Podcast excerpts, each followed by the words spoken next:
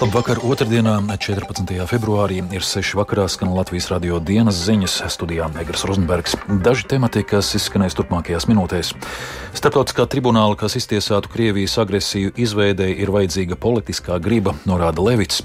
Upuru skaits pēc pagājušās nedēļas zemestrīces Turcijā un Sīrijā tojuši 40 tūkstošiem. Saimnes komisija centīsies izsist papildu finansējumu centrālajai vēlēšanu komisijai.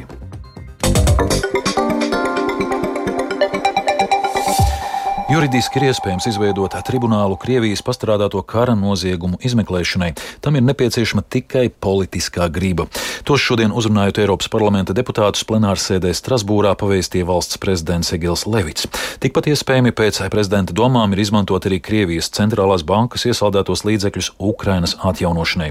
Atbildot uz žurnālistu jautājumiem pēc uzstāšanās parlamentā, Levits atzina, ka tribunāla izveide varētu aizņemt vairākus gadus, tā liecinot iepriekšējā pieredze ar līdzīgu līdzīgām prāvām. Tomēr esot svarīgi, ka process ir iekustējies un par to ir jāturpina runāt.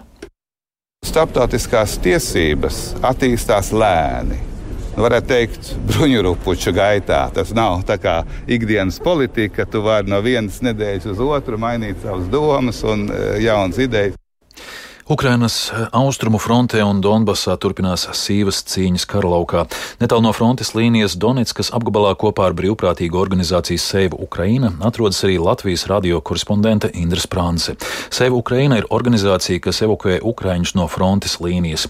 Gadu laikā tā jau pārvadus vairāk nekā 80 tūkstošus cilvēku. Šis process joprojām turpinās. Stāsta Indra Sprānce pievienojusies vienībai, kurā šobrīd strādā šeit Donbasā, dažādās vietās, dodās uz dažādiem izsaukumiem, un šī vienība šī gada laikā ir izvedusi ap sešiem tūkstošiem cilvēku. Vakar apmeklēju Kramaporsku un uh, vienu no vietām, kur tiek uzņemtie cilvēki pārvestie, un tiek izmitināti, viņi, ja viņiem ir vajadzīgs, viņi, viņiem ir iespēja nomazgāties, paēst, un uh, tad viņiem tiek uh, nozīmēts, nu, kur viņi turpmāk, kur viņi tiks pārvest. Kramatorskā man bija iespēja sastapt vienu brīvprātīgo, kas nu pat atgriezies vēl vakardien, tātad no Bahmutas, no kurienes izvedas arī viena sieviete ar uh, viņas diviem mājdzīvniekiem. Šo brīvprātīgo sauc Oļeks. Oļeks uh, šobrīd raksturo situāciju, kāda bija Bahmutā vakardien. Там сейчас жестко, там делают, забирали вот женщин женщину, там просто разбитые машины. И... Tur šobrīd ir smagi. Tur, kur mēs paņēmām sievieti, tur ir uzspridzinātas automašīnas. Mēs tieši atbraucām uz turieni, devāmies jau atpakaļ un bija atkal jauni sprādzieni uz ceļa, pa kuru braucām. Mums brīnumainā kārtā paveicās, ka neiekļuvām apšaudē. Brīvprātīgi arī stāsta, ka šobrīd iekļūšana Bahmutā patiešām ir ļoti, ļoti sarežģīta arī patiešām tādās situācijās, kur cilvēki beidzot ir piekrituši aizbraukt. Šobrīd jau ir tā, ka vairs jau ir, ir ļoti grūti tikt ārā. Tā Latvijas radio korespondente Indra Sprānse netālu no frontes līnijas Ukrainā Donetskas apgabalā kopā ar brīvprātīgu organizāciju Save Ukraina.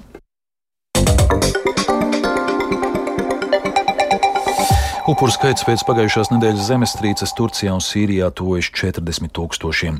Izredzes zem drupām atrasta dzīvus cilvēks ir ļoti mazas, tomēr arī vakar atrasti vairāk izdzīvojušie.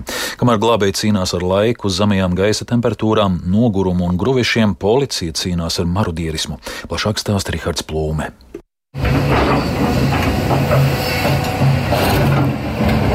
Turpinoties glābšanas darbiem, Turcijā 181 stundu pēc zemestrīces no drupām izvilkti divi nepilngadīgi brāļi. 8 un 15 gadus vecie puikas tika nogādāti slimnīcā, bet viņu māte diemžēl ir gājusi bojā. Savukārt tēvs joprojām atrodas zem drupām. Izglābto vidū arī pieaugušie. 574 bērni, kas izvilkti no sagravušām ēkām, atrasti bez izdzīvojušiem vecākiem. Tajā pašā laikā daudzi vecāki izmisīgi meklē pazudušos bērnus. Upuru skaits tuvojas 40 tūkstošiem, bet ANO ģenerālsekretāra vietnieks humanitārajos jautājumos Mārtiņš Grifits atzinis, ka upuru skaits varētu pārsniegt 50 tūkstošus.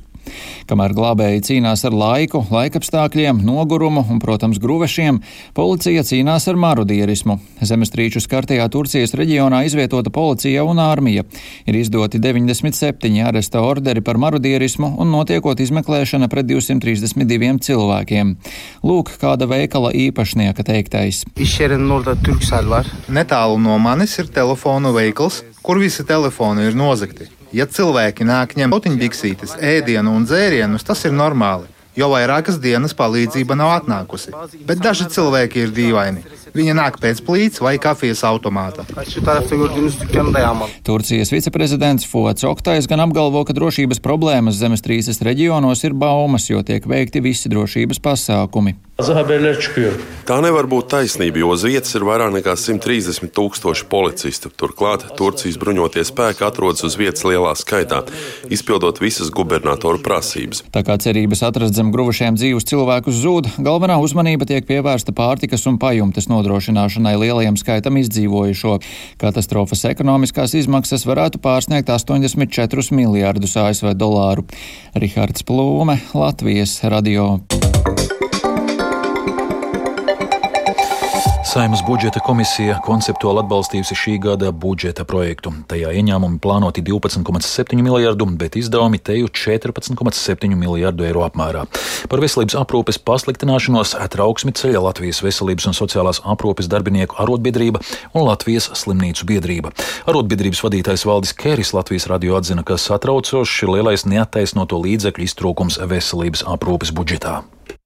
Tātad papildus 220 aptuveni miljonus esiet tik labi un piešķiriet, jo pretējā gadījumā notiks tas, kas arī ir paredzēts minētajā valdības rīkojumā par sabiedrības veselības pamatnostādnēm 2021. un 2027. gadam. Proti, ja nebūs politiskās gribas vajadzīgajam līdzekļu piešķīrumam, tad veselības aprūpas pieejamība un kvalitāte valstī pasliktināsies, un tas būtu nepieļaujami. Darbs pie šī gada budžeta saimā aktīvi turpinās. Viens no sāpju bērniem valsts budžeta kontekstā ir arī Centrālā vēlēšanu komisija. Ievēlot jauno komisijas vadītāju, neviens vien deputāts no tribīnas apliecināja, ka šī iestāde gadiem ilgi bijusi bada maizē. Vai tas varētu atspoguļoties šīs iestādes finansējumā šī gada budžetā? Notika aktīvas sarunas Saimas valsts pārvaldes un pašvaldības komisijas sēdē. Plašāk Jāņa Kīņča sagatavotajā ierakstā. Ir divi varianti centrālās vēlēšana komisijas darba turpināšanai. Tāpat kā līdz šim regulāri un bieži neveiksmīgi aizstāvēt dažādus pieprasījumus komisijas stiprināšanai, vai arī plašāk iesaistīt citas valsts iestādes vēlēšanu rīkošanā. Tā CVK nākotnes scenārijus zīmē tās jaunā vadītāja Kristīna Saulīte.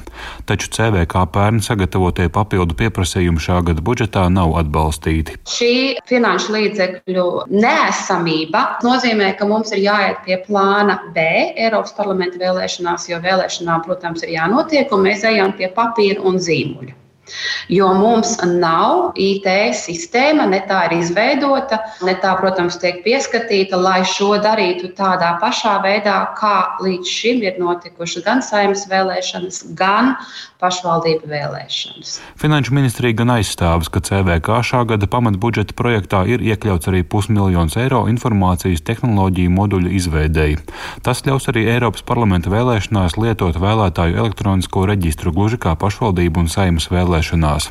Pašlaik gan nav atbildes, vai ar šo summu pietiks. Tāpat nav zināms, kas un cik ilgā laikā šo sistēmu varētu izveidot. Tāpat nav lēmuma vai atbildība par vēlēšanu tehnoloģiju sistēmas uzturēšanu uzticēt kādai citai iestādēji. Tādā gadījumā papildu budžeta pieprasījumu varēs novirzīt konkrētā mērķa īstenošanai, norādīja CVK sekretārs Ritvars Eglājs. Optimālā variantā šo lietu pārņem cita iestāde, visticamāk, konkrēti Valsts Finanses attīstības aģentūra, un mūsu prioritārie pasākumi tad aiziet aģentūrai aģentūrai. Vienlaikus valdība ir noraidījusi CVK papildu pieprasījumu par 20% celt komisijas darbinieku algas, kas nesasniedz valsts pārvaldes atalgojuma minimālo slieksni.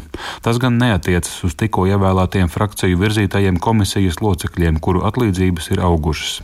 Tikmēr darbinieku komisijā trūkst un ilgstošā prombūtnē ir arī tās ekonomisti. Par to neizpratnē ir Saimas valsts pārvaldes un pašvaldības komisijas deputāti Ingmārs Lideka no apvienotā saraksta un Skaidrīta Ābrama no progresīvajiem gadiem. Tad, kad mēs apstiprinājām PVK locekļus, un mēs tur norunājām pusi dienas, jo šī gadījumā algas ir tas viens no noteicošajiem, kas var paturēt tos cilvēkus, kuriem tā kvalifikācija atļauj strādāt CVK. Nu, šī gadījumā mēs pienāksim pie nākošajām vēlēšanām, ka tur nebūs cilvēki, kas vispār to procesu spēj vadīt. Centrāla vēlēšana komisija, viņai ir tiesības un viņai ir absolūts uzdevums pašai doties uz finanšu ministriju un aizstāvēt savu budžetu. Un tas ir absolūti nepieļaujami, ka finanšu ministrija neatkarīgas iestādes vietā izlemj, balstoties uz kaut kādu iepriekšējo trīsgadīgo pieprasījumu un nolaiž tos ciparus, par ko iestāde nav informēta. Saimas valsts pāraudzes un pašvaldības komisija uzdeva CVK vadībai iesniegt precizētus aprēķinus algu celšanai un IT trūkumu labošanai. Šos aprēķinus komisija plāno skatīt ceturtdien ārkārtas sēdē, lai sagatavotu priekšlikumus valsts budžeta projektam galīgajā lasījumā. Jānis Kincis, Latvijas Radio. Rīgā kādreizējā tabakas fabrikas teritorijā šodien imūrēta laika kapsula un sākti būvdarbi kultūras un radošo industriju atbalsta centram TabFab. Tas nozīmē jaunu infrastruktūru Latvijas kultūras akadēmijai, tās filmu skolai un arī radošo industriju biznesa inkubatoram. Kā stāsta Latvijas kultūras akadēmijas rektore Rūta Muktu Pāvela, plāni par pārcelšanos uz tabakas fabriku radušies jau pirms deviņiem gadiem. Telpas, kas šobrīd ir Ludus ielā, ko mēs īrējam no Rīgas domes, tiešām kļūst pa mazu, un uh, mēs vairs nevaram satilpt. Jo īpaši skatoties uz to, kā attīstās audiovizuāla māksla, skatuves māksla un pieprasījums, kultūra ir kā elpa, tā ir gan iedvesma, gan dzīvesveids, un visādā ziņā ārkārtīgi svarīga. Mēs nevaram būvēt nākotni tikai uz idejām balstoties. Infrastruktūra ir absolūti nepieciešama. Šķūņos nevar var izaudzināt civilizētus kultūrālos cilvēkus. Un vēl par sportu. Olimpiskie čempioni 3 pret 3 basketbola komandas Rīgas spēlētāji Nauris Miezis, Agnis Čavars, Edgars Krūmiņš un Kārlis Lasmanis šajā sezonā spēlēs Ķīnas vienībās, taču tas neietekmēšot izlases startus. Plānots, ka Ķīnas komandu sastāvā bez trim ārvalstniekiem būs arī trīs ķīnieši, kuri attiecīgi krāsas vai valstī punktus Parīzes Olimpisko spēļu kvalifikācijā. Šobrīd gan nav skaidrs, kas Rīgas komandā aizstās Olimpisko četrnieku. Spēlēt piekrituši Artūrs Strelnieks un Artūrs Ausējs, bet citus uzvārdus galvenais treneris Raimons Valdmanis pagaidām publiski atturas nosaukt. Tā ideja ir Ķīna taisa vairākas komandas. Kopā ar Agni un Edgars, tad ar Kārlu un Nauru. Un viņiem ir līdzi nāk vēl divi ķīnieši, kas spēlē. Viņi ļoti liels punkts nopelna pasaules tūrē kas Challengerā daudzreiz mazāk, Vestā vēl mazāk un tā tālāk. Nu, spēlētāji pagaidām ir Arthurs Ausējs, kas pagājušajā gadā mūsu komandā bija iesaistījies. Viņš izrādījis interesi ir, turpināt, un tad ir Arthurs Strelnieks. Tad būtībā tagad jālapina klāt kaut kādi spēlētāji, kas viens otru papildinās, var uzlabot un tieši tā, tā kā, nu, tā kā veidotos komanda savā starpā, ķīmija un tā, nu, tā lai veidotos labs kolektīvs. Tenisiste Aļona Ostapenko Dohas 500 punktu turnīru vienspēlēs šodien uzsākusi ar uzvaru pār amerikānieti Madisonu Kīzu. Latvieta bija pārāk ar 7-5, 6-2. Šis turnīrs Ostapenko ir ļoti svarīgs. Tas tādēļ, ka pērn viņa Dohā tika līdz pusfinālam, iekrājot apjomīgu punktu ražu. Ja šogad neizdosies tikt vismaz tikpat tālu, sakos kritums rangā punktu starpības dēļ. Šobrīd Latvijas tenisiste atrodas 14. pozīcijā pasaulē.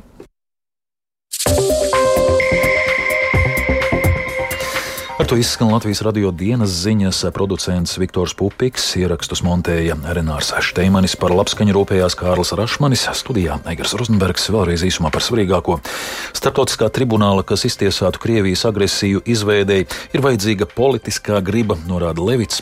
Upuru skaits pēc pagājušās nedēļas zemestrīces Turcijā un Sīrijā tuvojas 40 tūkstošiem. Saimas komisija centīsies izsist papildu finansējumu centrālajai vēlēšanu komisijai. Un vēl par laikapstākļiem. Pat labi, galvaspilsētā 2 grādi virs nulles, pūš lēns ziemeļu vējš, atmosfēras spiediens 776 mm, relatīvais gaisa mitrums 85%. Kāds laiks gaidāms turpmākajās dienās, prognozē Ilze Golubeva. Pēc siltas un saulainas otrdienas trešdien atnāks no ievara mākoņaināku laiku un dienā gaidām arī sīki nokrišņi. Naktī pūšot lēnam vējam, sabiezēs migla un dūmak un gaisa temperatūra būs no plus 1 grāda jūras piekrastē līdz mīnus 8, mīnus 9 grādiem valsts galējos austrumos.